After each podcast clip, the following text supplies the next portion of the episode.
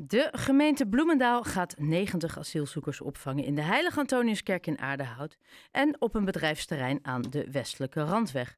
Het voorstel wordt vanavond pas besproken in de gemeenteraad. Daarna moet het COA nog bepalen of de locaties geschikt zijn voor de opvang van vluchtelingen.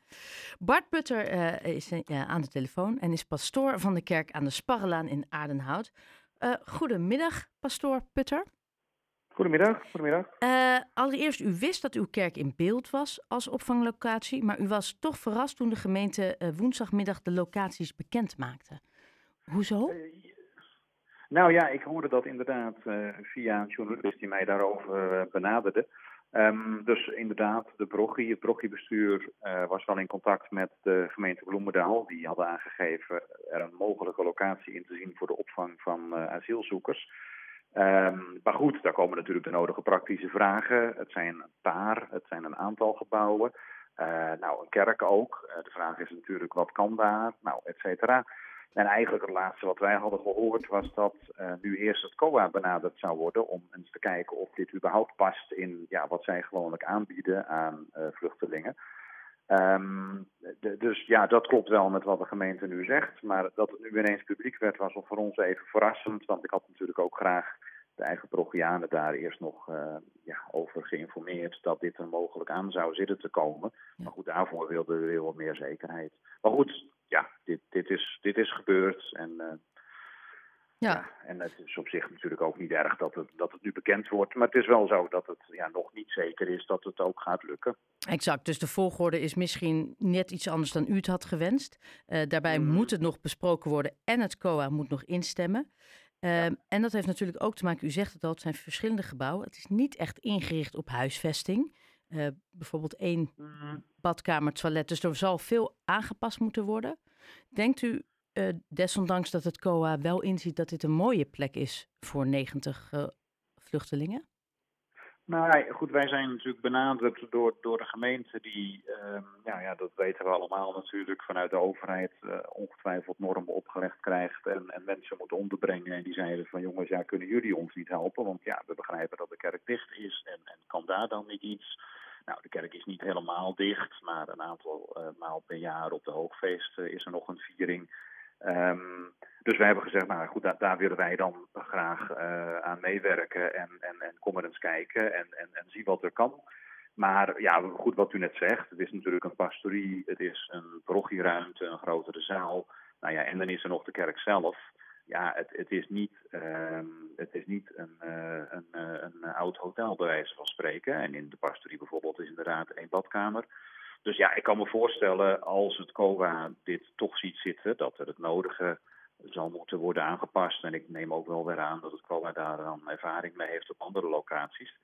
Um, maar die zullen dit echt moeten, moeten inschatten. Ik, ik, ik, ik kan dat niet, uh, niet zo goed overzien. Ik weet wel, met de echte asielcrisis toen, uh, 2015 ongeveer, toen werd ook gezegd, we kunnen in kerken mensen opvangen. Ja, toen werd ook wel vanuit het COBA gezegd van ja, we hebben er niet zoveel belang bij als kleinere groepen mensen overal verspreid zijn. Want ja, dat kost ons ook veel energie. En ja, je wil die mensen goed ondersteunen, je moet er zicht op hebben. Dus ja, het is de vraag of dit praktisch is. Maar dat wachten wij af. Ja. En, um, en als kerk willen we ons natuurlijk, ja, willen we hier wel graag in meedenken. Dat, ja, ik, dat, dat ik, ik kan me juist voorstellen dat u ergens ook vanuit uw achtergrond en vanuit de kerk en vanuit uw nou ja, rol als pastoor, dat u juist het heel fijn vindt als, als jullie juist mensen kunnen helpen in nood. Nou, zeker. Kijk, als je, als je bedenkt, ja, er gebeurt nu gewoon uh, weinig in deze gebouwen. En dan, dan is het natuurlijk heel mooi om, ja, kijk, onze Paus Franciscus roept natuurlijk iedereen en ook ons als kerken daartoe op, al, al jarenlang. Um, en als wij daaraan een, een bijdrage kunnen leveren, um, nou, zie, zie ik zelf, maar dat, dat is dan ook een ding van natuurlijk eerst overleg met de parochianen en de vrijwilligers. Uh, maar dan zie ik ook mogelijkheden dat we gewoon heel concreet daar misschien wel uh, kunnen helpen. Zodat ja, het ook voor ons uh, als, als gelovigen en, en voor de kerkgangers, voor de parochianen gaat leven. Dat die zorg voor de naasten, voor de vluchtelingen, dat dat gewoon een wezenlijk onderdeel is ook van, van ons geloof. Het is niet alleen op zondag bij elkaar komen, exact. vieren. Het is ook zorg voor de naasten. En misschien kun je daar iets doen met een, een taalgroepje of een soort individuele ondersteuning. Uiteindelijk is er ook gewoon professionele zorg nodig en dat, dat moet ook door het COA worden geleverd. Maar we hebben ja, in onze parochie een aantal maanden geleden bijvoorbeeld ook een, een, een paar middagen georganiseerd voor uh, Oekraïnse vluchtelingen. Um, nou, en dan ontstaan er gewoon heel veel nieuwe contacten. Dus dat is ook, ook heel mooi om te zien en om te doen. Ja, want u, u zei het al, hè? u heeft de parochianen nu niet van tevoren kunnen, kunnen informeren, omdat dus de volgorde van informatie verstrekken mm. net iets anders was. Maar wat verwacht u en welke reacties heeft u inmiddels binnengekregen?